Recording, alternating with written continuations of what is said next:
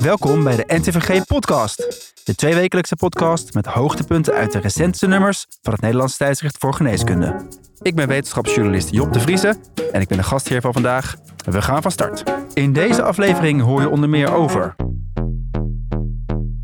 wat whole genome sequencing kan betekenen voor patiënten bij wie de primaire tumor onbekend is. En het is eigenlijk een soort streepjescode. Een kritische blik op de pas verschenen internationale medische literatuur door artsen in opleiding Tim en Ernst Jan. Moeten we echt gaan oefenen op het uitspreken van de naam Lorundrostad of zie jij geen grote toekomst voor dit middel? En wat beleidsmakers en zorgverleners kunnen doen om de opkomst van de ziekte van Parkinson terug te dringen. Het kan er wel zo zijn dat je alleen maar biologisch voedsel eet. Dan bestaat het risico nog dat je de ziekte van Parkinson kunt krijgen. We beginnen met de rubriek Wat hoor ik daar? Het spel waarin je de betekenis van geluiden met een geneeskundige link mag raden. Ik ga het geluid laten horen en later deze aflevering hoor je wat het was. Let goed op.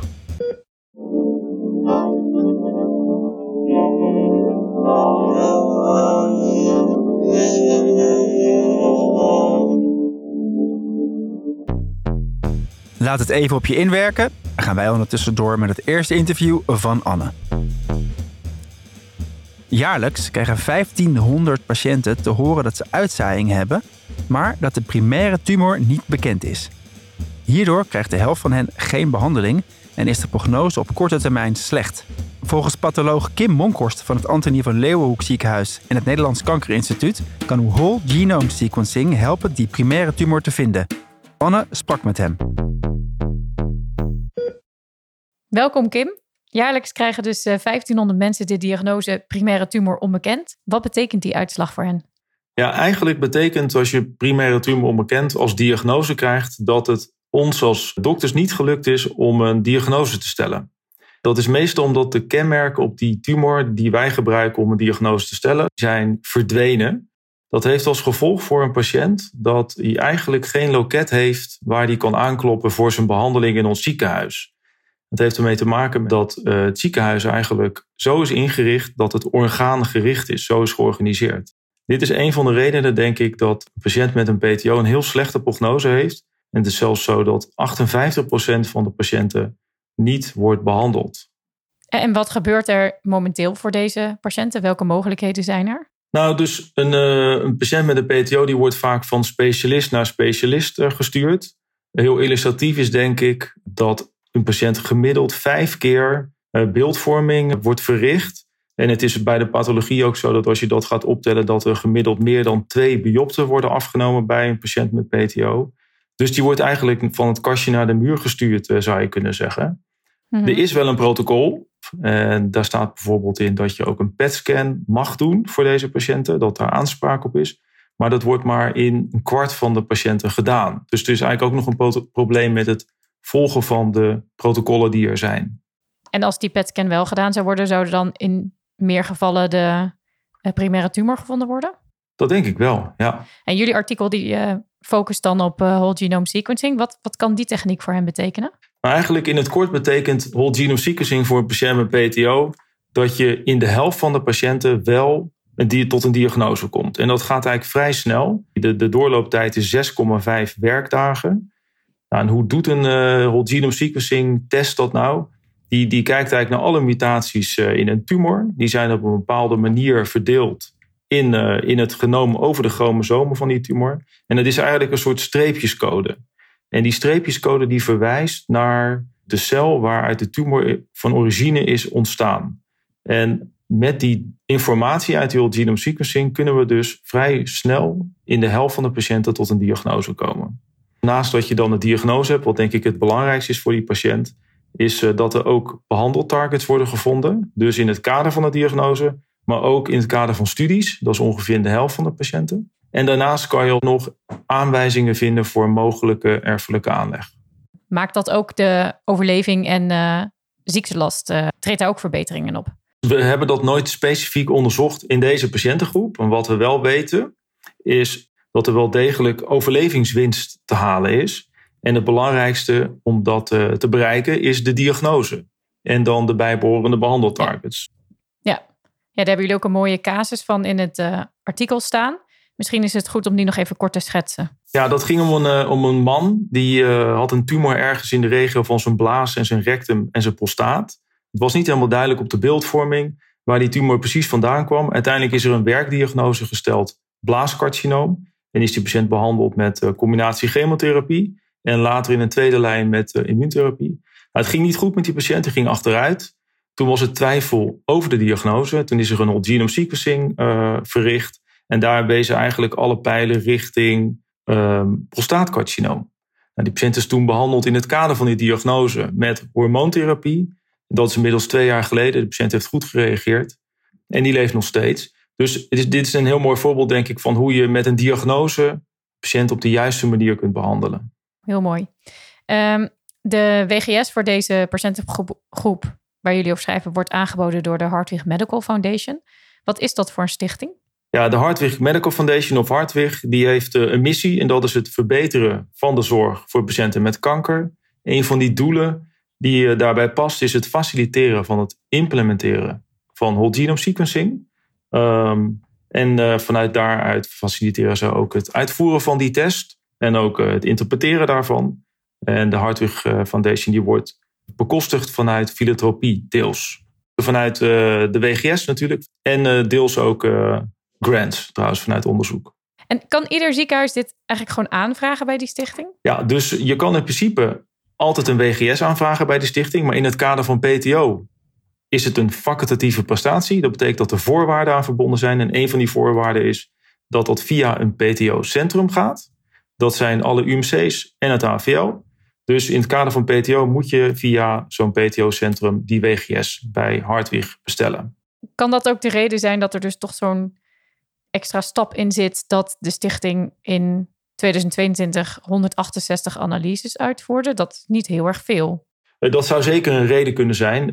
Ik een andere reden is dat er bij behandelaren en ook bij diagnosten onbekendheid is rondom de whole genome sequencing indicatie en de facultatieve prestatie en misschien wel de hele procedure. En dan denk ik een derde drempel is het feit dat pathologie-laboratoria zijn gewend om met formaline gefixeerd materiaal te werken. En hier met WGS moet je met vriesmateriaal werken. We hebben dat een jaar of vijf geleden zijn we daarmee begonnen in een grote studie. Uh, met de implementatie van whole genome sequencing. Dat ging eigenlijk vrij makkelijk.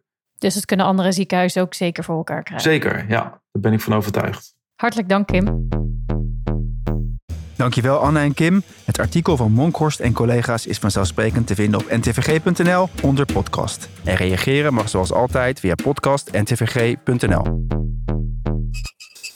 Veel artsen vinden het in de praktijk best lastig om in heldere taal te communiceren met hun patiënten. Medi4 helpt hen een handje. Een mooi initiatief dat deze keer de warme douche verdient. En aan de lijn heb ik een van de initiatiefnemers daarvan, Didi Obihara, chirurg in opleiding in het Elisabeth II Steden ziekenhuis en Didi, gefeliciteerd. Dankjewel, dankjewel. Uh, Medi4, waar kwam dat idee vandaan? Ja, het begon eigenlijk toen ik zelf co-assistent was. En ja, geconfronteerd werd met hoeveel artsen uitleggen en hoe moeilijk die uitleg soms is. En hoe weinig de patiënten, mijn inziens, uh, leek te snappen van de uitleg. Toen dacht ik, ja, dat moet toch anders kunnen, dat moet toch beter kunnen. En toen kwamen we uiteindelijk op het idee om visuele metaforen te gaan maken voor patiënten. Om de uitleg dus beter te snappen. Zijn er dan hulpmiddelen voor de artsen om met hun patiënten te communiceren? Ja. ja. Heb, je er, heb je een voorbeeldje? Ja, wat ik het allerleukste voorbeeld vind, uh, is bijvoorbeeld de poepfile. De poepfile hebben we bedacht voor obstipatie. Mensen vinden het soms best wel lastig van ja, waarom kan ik nou niet poepen? Komt het dan? En hoe zit het dan nou precies in mijn darmen? We hebben dus een hele mooie illustratie laten maken over een poepfile. Dus dan zie je eigenlijk een darm met daarin een eh, ja, hele grote file van uh, autovormige keutels. Die metafoor kun je dan gebruiken om uit te leggen hoe obstipatie werkt. Waarom je medicatie moet gebruiken. Waarom je overloopdiarree kunt krijgen. Dat zijn dan de, ja, de motorrijders die zich niet aan de regels houden en tussen de auto's door toch uh, over de snelweg kunnen rijden. Ja, het is een hele mooie, mooie illustratie geworden. Ja, jullie hebben op jullie website medifor.nl dus allerlei verschillende categorieën, hè, waarbinnen je dan verschillende mediforen hebt zitten. En die zijn echt een heel enorm gegroeid ook. Uh, het is niet meer gewoon een uh, heel klein, klein initiatiefje. Nee, nee het begon met twee artsen en één kunstenaar. Waarbij we gewoon eens zijn gaan tekenen. Maar nu zijn we met uh, ja, acht illustratoren. Volgens mij werken we met zes of zeven artsen eraan. We hebben een redacteur. We werken met websitemakers. En we hebben ondertussen meer dan 50 mediforen geïllustreerd. En die verzamelen op onze website medifor.nl. En het is eigenlijk de bedoeling dat je als arts, als je iets wil uitleggen, dat je dan op die website ziektebeeld kan intoetsen of de behandeling. En dat je dan eigenlijk een scala aan verschillende metaforen vindt, die je dan samen met de patiënt kan bekijken. En wat zijn nou een beetje de reacties die jullie krijgen van, uh, van artsen en misschien ook wel van patiënten? Ja, superleuk. We krijgen hele enthousiaste reacties. En wat we ook merken is dat artsen er veel creatiever van worden. Dus die gebruiken minder medische termen, die maken hun uitleg ook simpeler. En uh, ja, niet elke patiënt zal het even behulpzaam vinden, maar we zien dat vooral patiënten met uh, problemen in de taal of moeite met het begrijpen van medische informatie hier heel veel baat bij kunnen hebben. Kan ik me heel goed voorstellen. Ga vooral zo door, zou ik zeggen. We duiken de wetenschap in. We mogen weer gaan luisteren naar de mannen van de House of Godcast, Tim Dekker en Ernst-Jan van het Woud. Zij kammen voor ons iedere keer weer de stapels medische literatuur door. Heren, wat hebben jullie voor ons gevonden? Hartelijk dank Job. Nieuwe week, nieuwe wetenschap. En natuurlijk bespreken Ernst-Jan en ik alleen de meest interessante stukken uit de internationale medische literatuur. En we beginnen zo dadelijk met een nieuw antihypertensivum. We bespreken een artikel over het effect van psychedelica op depressies. En we sluiten af met het risico op trombose bij patiënten die NSAID's combineren met de anticonceptiepil. Maar we beginnen dus met dat nieuwe antihypertensivum. En het gaat om een middel dat Lorundrostat heet. Er is nieuw antihypertensivum dus. Daar worden wij als twee IELTS interne geneeskunde wel enthousiast van. Moeten we echt gaan oefenen op het uitspreken van de naam Lorundrostat? Of zie jij geen grote toekomst voor dit middel? Dat weten we denk ik helaas nog steeds niet na deze studie, maar er zit zeker wel enige belofte in, denk ik. Het is een artikel van uh, en collega's en het staat in uh, JAMA. En het gaat om een uh, middel dat de synthese van aldosteron remt. En nu is bekend dat het hormoon aldosteron de bloeddruk verhoogt en dat dit vooral een rol speelt bij therapieresistente hypertensie. En lorundrostat remt dus de synthese van aldosteron en kan zo de bloeddruk verlagen. Ja, en nu hebben we al een middel dat de activiteit van aldosteron remt, spironolacton natuurlijk. Wat is daar eigenlijk mis mee, Jan? Nou, dat is best een effectief middel, ook voor mensen met therapieresistente hypertensie, maar het kent best wel wat bijwerkingen. Zo heeft het een anti-androgene effect en dat zorgt uh, onder andere voor gynecomastie en impotentie bij mannen en uh, menstruatiestoornissen bij vrouwen. En voor die groep is nu ja, misschien wel een alternatief die zonder die anti-androgene bijwerkingen van uh, spironolacton behandeld kan worden. Ja, want ik, ik kende dit nieuwe middel eigenlijk niet, maar die, die bijwerkingen van spironolacton komen wel vrij vaak voor. Dus ja, dan klinkt het eigenlijk wel als een hele elegante oplossing, toch, dat Lorundrostat? Ja, dat is dus wel interessant, want dat is op zich niet helemaal nieuw. Het probleem eerder met middelen die ook de synthese van aldosteron probeerden te remmen, is dat die dan ook meteen de cortisolsynthese remde en daarmee een hypocortisolisme indiceerde. En lorundrostat is nu nieuw uh, in dat het veel specifieker is voor de remming van alleen aldosteronsyntase.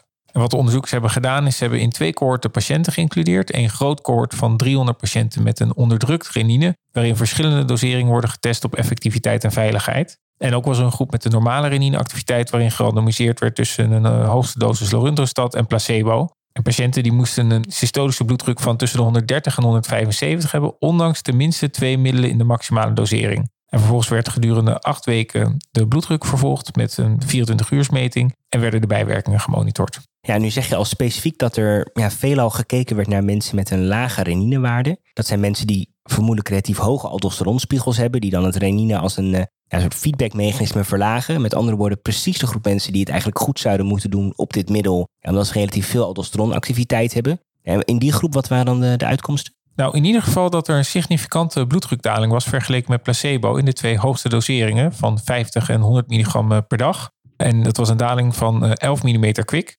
En in de 50 milligram groep was er ook nog een kleine daling in de diastolische bloeddruk. Bijwerkingen vielen verder erg mee. Er waren enkele gevallen van hyperkalemie en ook wat hypotensie, maar zonder verder ernstige gevolgen. Dat is wel goed om te horen. Er waren ook nog wel interessante resultaten in de groep met een normale uh, reninespiegel. En dat zijn dan, ja, denk ik, juist weer de mensen waarvan je denk ik wat minder verwacht van dit middel. Ja, de, op dat cohort hebben ze eigenlijk een eh, patiënt geïncludeerd om wat verkennende analyses op te doen. Maar ook daar leek het effectief met een bloeddrukdaling van 11 mm kwik. Wat ik verder wel opvallend vond, is dat met name patiënten met een BMI van boven de 30 een erg goede respons hebben op dit middel. En dat is natuurlijk wel een grote groep met een uh, hoog cardiovasculair risico. Ja, is in ieder geval denk ik goed om te horen dat er wat effectiefs aan zit te komen. Het relatief weinig bijwerkingen. Ik zou graag ook wel een vergelijking zien met spironolacton. Dus ben benieuwd wat dat oplevert. Maar goed, de, de, tijd zal leren of en zo ja welke rol dit middel in gaat nemen. Maar op basis van deze data ben ik uh, vooralsnog wel enthousiast. Ja, en dan door met het volgende artikel. En nu zegt de naam psilocybine je misschien niet zoveel. Maar dat is de werkzame stof in ehm, paddenstoelen met een hallucinerend effect. En dat psilocybine, dat geeft een psychedelische ervaring. En er zijn aanwijzingen dat dat ook gunstig is voor de behandeling van depressie. En er zijn er de laatste tijd meerdere studies over verschenen. En dit keer uh, weer een wat grotere studie van Raisin en collega's in uh, JAMA. Dus ja, wat is het effect, eh, Tim, van die Magic Mushrooms? Het is een studie die is uitgevoerd in de Verenigde Staten. met deelnemers die ja, volgens de DSM-criteria voldeden aan de criteria van een depressie. En dat vond ik wel leuk bedacht. Het is een placebo-gecontroleerde studie. Ehm, maar ja, hoe kan je nou een placebo-gecontroleerde studie uitvoeren met paddo's? Dus de onderzoekers hebben dat geprobeerd met niacine. En nu zorgt niacine zorgt voor wat vasodilatatie in het gezicht. Dus het geeft een soort opvlieger, denk ik. Nu betwijfel ik ja, eigenlijk of dat nou wel echt lijkt op het effect van paddo's. Maar goed, hoe dan ook. Eh, de deelnemers kregen eenmalig in een 7 tot 10 uur durende sessie onder supervisie psilocybine toegediend. Of niacine dus. En daarna werd vervolgd uh, wat nou het effect was op de depressieve klachten. Oké, nou interessant. Wat voor deelnemers uh, zaten er in deze studie? Was het mensen met een zware depressie? Kan je daar nog iets over vertellen? Ja, het waren over het algemeen wel mensen die al minimaal één depressieve episode hadden doorgemaakt. En gemiddeld was de duur van de huidige depressieve episode al wel gemiddeld meer dan 50 weken. Wat ik wel opvallend vond, was dat er meer dan 1500 mensen gescreend waren voor de studie en er uiteindelijk maar 104 in de, daadwerkelijk in de studie terecht zijn gekomen. Dus het was wel een beetje een geselecteerde groep, denk ik. Exclusiecriteria waren onder andere een voorgeschiedenis van psychoses, ook in een eerstegraads familielid of middelenmisbruik. Dus dat zal daar misschien iets mee te maken hebben gehad, eh, denk ik. Ja, nou dat is op zich ook wel te begrijpen. Ehm, hoe, hoe, werd uiteindelijk gekeken naar de effectiviteit? Ja, de onderzoekers keken naar een, um, daarnaar met een gevalideerde vragenlijst. Die keek naar de mate van depressieve symptomen. En er werd primair gekeken naar hoe deze score verbeterde op 43 dagen. En wat bleek, psilocybine was inderdaad een stuk effectiever dan niacine. De gemiddelde afname op die scorelijst van depressieve symptomen was 12 punten. En dat is in de, in de eerdere literatuur al wel beschreven als echt wel een substantiële verbetering. En ook het aantal patiënten dat meer dan 50% reductie had van de depressieve klachten was 41% in de psilocybine groep en 11% in de niacine groep. Dus een verschil van 30%. Hoe, hoe ervaren de patiënten de bijwerkingen? Ja, er waren wel wat meer bijwerkingen in de psilocybine groep, maar dat viel over het geheel genomen wel mee. Er, er kwam wat hoofdpijn voor in de interventiegroep, wat meer misselijkheid, maar het werd wel goed verdragen als we de, als we de auteurs niet van mogen geloven. Ja, en wat ik ook nog wel mooi vond om te zien, is dat het relatief snel werkt. Hè? Want na de psilocybine was al een mooie verbetering te zien. Dat vond ik toch wel indrukwekkend. En dat eh, effect bleef ook best wel lang eh, aanwezig. Ook indrukwekkend, met name voor een eenmalige interventie. Dus benieuwd voor welke patiënten dit uiteindelijk het meest geschikt is. Maar ik ga het zeker in de gaten houden. En dan als laatste nog een noemenswaardig onderzoek uit de British Medical Journal van Meidi en collega's. Dat kijkt naar het gecombineerde effect op tromboserisico van twee van toch wel de meest voorgeschreven medicijnen namelijk NSAID's en hormonale anticonceptie. Van de laatste is het verhoogd risico op veneuze trombose, denk ik, wijdverspreid eh, bekend. Bij NSAID's misschien wel het risico op hart- en vaatziekten, maar eh, er is dus ook observationeel onderzoek dat het een eh, verhoogd risico geeft op veneuze trombose. En de onderzoekers wilden kijken of een gecombineerd gebruik een hoger risico geeft op die veneuze trombose. Ja, en dat blijkt dus zo te zijn. het is een groot Deens cohortonderzoek waarbij gebruik werd gemaakt van dossiers van 2 miljoen Deense vrouwen in de vruchtbare leeftijd. De onderzoekers keken of de deelnemsters hormonale anticonceptie gebruikten. En zo ja, of het een anticonceptiemiddel met een hoog, middelhoog of laag tromboserisico was. En vervolgens werd het gerelateerd aan het gebruik van NSAID's. Nou, hoewel de NSAID's maar kort werden gebruikt, was het relatieve risico op een veneuze trombose in deze groep opvallend hoog. In de patiëntengroep die geen hormonale anticonceptie gebruikte, maar wel een NSAID, was het relatief risico in die periode 7. Maar in combinatie met een anticonceptiepil met een hoog tromboserisico nam dit nog verder toe naar 11. Ja, hoewel het absolute risico op een trombose in deze periode, in deze studie, nog steeds relatief laag was, is wel echt een significante verhoging van het risico als je deze twee factoren allebei hebt. Ja, ik heb me daar toch wel over verbaasd. Ik wist dat die risico's wel bij elkaar op te tellen zijn, maar ja, ik was eigenlijk ten eerste niet zo op de hoogte van de aanwijzingen dat NSAID's een verhoogd risico hebben op veneuze trombose. En zeker niet in de mate die deze studie beschrijft, wat ook wel een stuk groter is dan uh, eerdere studies. Dus ik vraag me toch wel af of dit nou puur farmacologisch te verklaren is. Of dat de indicatie voor NSAID-gebruik misschien in sommige gevallen toch een risicofactor voor de trombose is geweest. De onderzoekers hebben wel geprobeerd hiervoor te corrigeren, maar dat blijft denk ik dan toch lastig in zo'n grote cohortstudie als deze. Dus ja, het zijn interessante bevindingen, maar ik zou toch nog wel wat beter onderzocht willen zien. En het is voor mij dus nog eh, te vroeg om hier in de praktijk echt rekening mee te houden. Dat was het weer voor ons uh, deze keer. Bedankt voor het luisteren en uh, terug naar jou Job. Bedankt mannen, we horen over twee weken weer van jullie. Van het wetenschappelijk nieuws gaan we door naar het antwoord op de vraag wat hoor ik daar? Het geluid dat je aan het begin van de show hoorde kwam van Jeroen Pasterkamp, hoogleraar translationele neurowetenschap in het UMC Utrecht. Ik hoorde wel iets bekends, maar Jeroen, wat was het?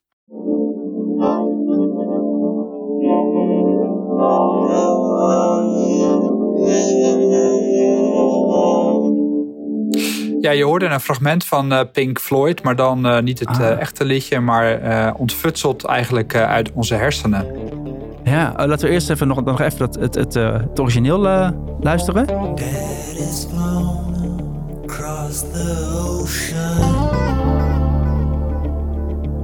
Ja, precies. Dus het, het lijkt er wel, uh, wel veel op inderdaad. En, en hoe is dit dan gedaan? Alles wat we waarnemen wordt omgevormd tot hersensignalen. En als je die signalen weer terug kunt vertalen naar bijvoorbeeld wat je hoort of ziet, ja, dan, dan krijg je zo'n representatie. Dus dat is eigenlijk wat hier ook is gebeurd. Dus de, de, de hersensignalen die wij, uh, die, die in ons hoofd uh, actief zijn als we zo'n liedje horen. Ja, en dit kan niet zomaar bij ons, bij iedereen, uh, zomaar even gedaan worden. Dit is echt, dit is gedaan bij, bij epilepsiepatiënten. Hè? En waarom ja. kon dat juist bij hun? Nou, in, uh, als je een epilepsiebehandeling hebt gekregen, dus een chirurgische behandeling, dan is er een moment dat wij afleidingen doen vanaf de hersenen. Dus dan gaan we ook echt kijken van is het gelukt en wat voor activiteiten zijn nog of zijn ze weg. En dat is ook een moment waarop wij allerlei andere afleidingen kunnen doen. Dus wat we kunnen vragen is aan patiënten of ze meedoen aan onderzoek. Ja. Uh, om te bepalen van als wij een bepaalde stimulus geven, hoe reageren ze erop? Kunnen we signalen afmeten? In dit geval gaat het natuurlijk om een liedje, maar uh, je kunt je voorstellen dat er allerlei andere toepassingen ook zijn. Ik kan me voorstellen dat dit wel leuk is om mee te werken aan zoiets als dit, maar het levert ook geen extra risico op. Nee, dus eigenlijk natuurlijk dit soort onderzoek uh, wordt gedaan met alle vergunningen die we nodig hebben. En ook heel erg samen met de patiënt. Dus het kan echt alleen maar als zij zich daar uh, goed genoeg voor voelen en, en mee willen doen. Ja, en nu, levert het niet specifiek toepassing op voor epilepsiepatiënten, maar voor andere patiënten. Hè? Als, je, als je zou kunnen afleiden aan de hersenen wat iemand denkt. We gebruiken de epilepsiepatiënten met hun goedkeuring om ook uit te meten wat voor signalen heb je nou precies als je bijvoorbeeld je vinger beweegt of als je praat. Je kunt je voorstellen dat je dit kunt toepassen in bijvoorbeeld ALS-patiënten uiteindelijk of in patiënten met die, die verlamd zijn. Hè, dat we stuk onder de verlamming kunnen aanhechten aan, aan robotledematen. Dus dat soort toepassingen in de hele verre toekomst, daar gaat het eigenlijk om. Ja, dankjewel voor deze uitleg. Een link naar het artikel waarin dat Pink Floyd muziekje beschreven staat, staat uiteraard in de show notes. Veel dank. Heb je nou ook een geluid dat je graag wil inzenden? Stuur het naar podcast.ntvg.nl en wie weet spreken we jou binnenkort. We gaan naar het tweede lange interview. De Nederlandse bevolking vergrijst. En ouderdom is de primaire risicofactor voor het ontwikkelen van de ziekte van Parkinson, waardoor het aantal mensen met Parkinson de komende jaren fors zal toenemen. Bepaalde omgevingsfactoren vergroten daarnaast de kans op de ziekte nog eens. En specifieke leefstijlfactoren verkleinen juist die kans. Promovendus Bram van der Gaag en collega's roepen beleidsmakers en zorgverleners daarom op om met strengere regels te komen voor onder andere bestrijdingsmiddelen in de landbouw en een gezonde levensstijl beter te stimuleren. Anne sprak met hem. Goedemiddag Bram, fijn dat je te gast wil zijn bij onze podcast. Goedemiddag. Um, Wereldwijd is de prevalentie van de ziekte van Parkinson sterk toegenomen. Van 2,5 miljoen naar 6,1 miljoen mensen in de periode van 1990 tot 2016. Hoe zit dat eigenlijk in Nederland? Ja, in deze studie uh, hebben we gekeken naar de ontwikkelingen van de prevalentie van Parkinson en atypische vormen van Parkinsonisme in Nederland van de periode van 2010 tot 2021. En daarin zagen we dat de prevalentie met 50% is toegenomen als het gaat over zowel de ziekte van Parkinson als de overige atypische vormen van Parkinsonisme. En over wat voor een absolute aantallen hebben we het dan? Zo'n uh, 63.500 mensen met de ziekte van Parkinson of atypische vormen van Parkinsonisme in Nederland. Hoe is die uh, toename te verklaren? Nou, de meest voor de hand liggende reden is de sterk vergrijzende bevolking. Een langere overlevingsduur van patiënten, maar ook risicofactoren spelen hierbij een rol. Bijvoorbeeld blootstelling aan bepaalde pesticiden. En, en hebben alle burgers een verhoogd risico door gebruik van die uh, pesticiden in Nederland? Of gaat het om heel hoge concentraties waar je aan blootgesteld moet worden? Daar moet nog meer onderzoek naar worden gedaan. Inderdaad, de studies die een verhoogd risico lieten zien, zijn vaak uitgevoerd onder boeren die veelvuldig in aanraking kwamen met uh, die bepaalde pesticiden waar onderzoek naar is gedaan. En verder onderzoek moet uitwijzen of de blootstelling van de algehele bevolking door bijvoorbeeld de consumptie van groente en fruit ook het risico kan verhogen op de ziekte van Parkinson. Je noemt verschillende risicofactoren. Hebben die onafhankelijk van elkaar een effect of hangen ze ook onderling nog samen? Daar moet ook nog verder onderzoek naar worden gedaan. Het kan bijvoorbeeld best zo zijn dat de zuivelconsumptie gelinkt is aan de pesticidenblootstelling, omdat koeien misschien ook wel voer binnenkrijgen waar, ja, waar pesticiden in zitten. Maar er zijn ook bepaalde studies die laten zien eh, dat factoren wel degelijk los van elkaar te zien zijn beschermende factoren, die zijn er natuurlijk ook. En niet alle factoren zijn risicoverhogend. Degene die ik nu ga noemen is, uh, is niet eentje die ik aan kan raden om, uh, om het risico te verlagen op uh, ziekte van Parkinson. Dat is namelijk roken. Aha, Uiteraard, nee. van roken zijn de nadelige effecten op de gezondheid veelvuldig beschreven. Dus ga het absoluut niet doen. En als je rookt, stop er dan alsjeblieft mee. Maar er is wel met grote zekerheid aangetoond dat het verband tussen roken en het verminderde risico op Parkinson kausaal is. En zijn er ook nog beschermende factoren die jullie dan wel aanraden? Gelukkig wel. Van uh, uh, lichamelijke activiteit, sport met matige tot intense inspanning, bepaalde dieetvormen, dieetpatronen zoals mediterrane dieet weten we dat het het risico verlaagt. Cafeïneconsumptie, dus koffie, thee, vitamine E en anthocyanen, dat is een bepaald uh, plantpigment. Als mensen die veel binnenkrijgen door middel van voeding, dan zien we ook een verlaagd risico op de ziekte van Parkinson.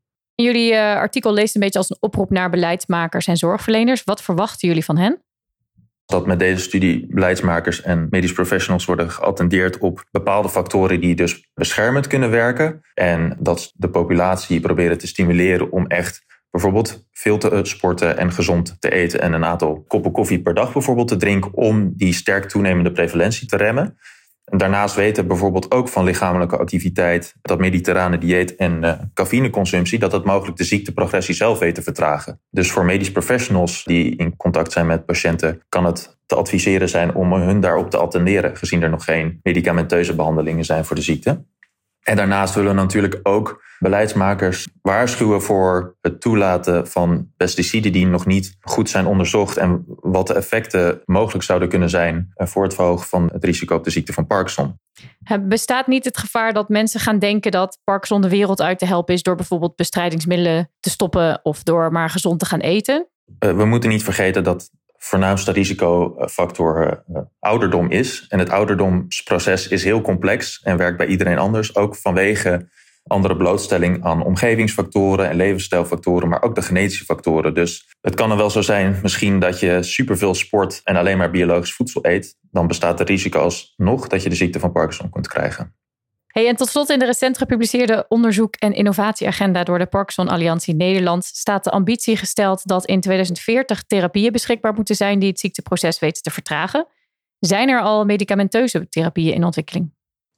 Uh, zeker. Bijvoorbeeld, we weten dat bepaalde eiwitten op een verkeerde manier gevouwen worden in de hersenen van mensen met de ziekte van Parkinson. En die verkeerd gevouwen eiwitten die weten zich te verspreiden naar nabijgelegen cellen en induceren daar ook dat verkeerde vouwproces van die eiwitten. Dus er zijn therapieën in ontwikkeling die zich op dat proces richten. Daarnaast weten we dat, dat de mitochondriën, dus de, de energiefabriekjes van de cel, dat die zijn aangedaan. Dus er zijn ook therapieën die zich proberen te richten op het herstellen van die functie van die mitochondria. En een ander ziekteproces waar men zich veel op richt is de cel zelfstandig proberen die verkeerd gevouwen eiwitten op te laten ruimen. Daarnaast zijn leefstijlinterventies zoals het mediterrane dieet of verhoogde lichamelijke activiteit nooit tezamen getest. En wellicht als die gezamenlijk worden getest in een patiëntenpopulatie, zouden we daar ook al effecten van kunnen zien op de ziekteprogressie. Dankjewel Bram. En graag gedaan. Dankjewel Anne en Bram. Wil je meer weten over dit onderwerp? Lees dan het artikel op onze website. Op naar het laatste onderdeel van de show. De tip van de redactie komt wederom van onze oren en ogen op de redactievloer. Rosie Sikkel, basisarts en nieuwsredacteur bij het NTVG. Welkom Rosie. Dankjewel. Wat heb je voor tip meegenomen? Ja, ik heb dit keer een artikel van mijn collega nieuwsredacteur Lorette Harbers. Die liep mee met een uh, forensisch arts, Nick Donkerlui. En die schreef daar een uh, mooi uh, verslag van. Het is echt zo'n inkijkje. Ja, inderdaad. Het is onderdeel van de niche-serie, waarin we dus verschillende niche-beroepen een plekje in het tijdschrift geven. En zij liep dus een avonddienst mee met een forensisch arts. En dat is toch wel een spannende avond geweest. We denken al heel gewoon aan dood. Maar dat mm -hmm. zo'n zo'n schouwarts ook heel vaak levende mensen ziet, hè? Ja, die forensisch artsen die zeggen eigenlijk, ja, dat beeld van ons beroep is voornamelijk gestoeld op wat mensen op televisie zien in de misdaadseries. Een groot um, misverstand is dat de meeste mensen die zij zien overleden zijn. Een groot deel van het werk is inderdaad het postmortaal onderzoek, maar ze hebben ook nog een groot ander takenpakket en dat is onder andere de zorg voor arrestanten. En daarnaast ondersteunen ze de politie bij het verzamelen van sporen en bewijsmateriaal. Letsel bij slachtoffers, maar ook bij daders. Ja, het is vooral heel veel heen en weer rijden en beslissen on the spot. Ja, het is best wel een gevarieerde avond geweest. Het varieert dan van een beoordeling van een uh, suïcide van een jongen die van hoogte is gesprongen, tot een paniekaanval bij een arrestant, naar een uh, ja, gewone bloedafname bij een dronken scooterbestuurder. Eh, zo'n dienst kan dus ook heel druk zijn. En dat heeft er mede mee te maken dat er ontzettend weinig forensische artsen zijn. Er is een heel groot tekort aan. En ik denk dat dat deels is omdat geneeskundestudenten vrijwel niet in aanraking komen met het vak. En daarnaast is het natuurlijk ook een zwaar vak. Je ziet natuurlijk toch ook wel gruwelijke casuïstiek. Kinderen die zijn overleden of zedendelicten. Dus ja, je moet daar wel een beetje eelt op de ziel uh, voor hebben. Ja, het krijgt er ook wel wat voor terug, lijkt mij, als je het zo hoort. Als je leest tenminste ja, die forensisch arts kan heel gepassioneerd over zijn vak uh, vertellen. Maar het is wel, het is, het is misschien niet voor iedereen weggelegd. In elk geval het lezen waard. Zeker. Hiermee zijn we aan het einde gekomen van deze aflevering. Over twee weken praat mijn collega Anne van Kessel je weer bij over het laatste medische nieuws. Heb je een vraag of een suggestie voor een van onze rubrieken? Laat het ons weten via podcast.ntvg.nl. Waardeer je onze podcast? Stuur ons dan door naar al je collega's en volg ons op je favoriete podcastkanaal. En laat vooral ook een review achter door een aantal sterren te geven. En zo help je ons om niet alleen de beste, maar ook best beluisterde medische podcast van Nederland te worden. Voor nu een heel fijne dag gewenst en tot de volgende aflevering. En vergeet niet, een goede arts is een goede luisteraar, dus blijf luisteren. Dit is een podcast van de NTVG-redactie in samenwerking met mij, Job de Vriese, Anne van Kessel, Tim Dekker Ernst-Jan van het Woud en audiocollectief Visionair Ordinaire.